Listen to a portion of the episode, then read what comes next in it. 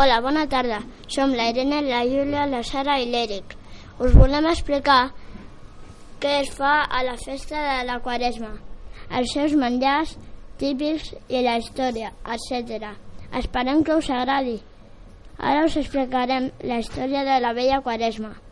La història. La Quaresma és un període de temps de prop de 7 setmanes. Comença el dimecres de cendre i acaba al cap de 40 dies. Durant, durant aquest temps hem de preparar el cos i, la ment per la Pasqua, és a dir, per l'arribada de la primavera. Ara us explicarem què és la Vea Quaresma. Ha estat representat com una dona vestida amb faldilla i set cames, sovint com una vella morria i esquerpa amb un bacallà a les mans que simbolitza el temps d'abstinència. Cada, cada diumenge se li treu una cama. La quaresma representa els 40 dies abans de Setmana Santa. Per això es diu quaresma, perquè ve del número 40. I ara us recitem el cançó, la cançó d'una can... el text d'una cançó. La vella quaresma, vella quaresma.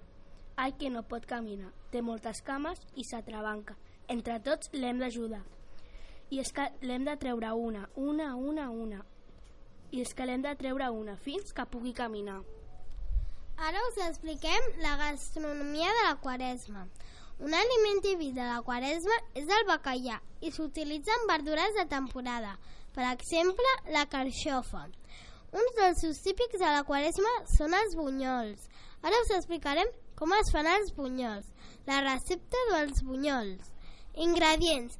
125 mil·ligrams de llet, 75 grams de farina, 60 grams de mantega, 3 ous, sal, anís sec i sucre. Preparació. Posar la llet i la mantega en un cassó al foc amb un pessic de sal. Quan la llet bulli i tota la mantega s'hagi fos, afegir d'un sol cop tota la farina tamisada i deixar coure sense parar de remenar fins que aquesta massa es separi de les parets del cassó. Fora del foc, afegir un ou i remenar fins que quedi homogeni. Així fins a afegir-hi els tres ous. Fregir petites porcions de la pasta en oli calent. Quan estiguin encara calents, mullar-los amb una mica d'anís sec i arrebossar-los amb sucre.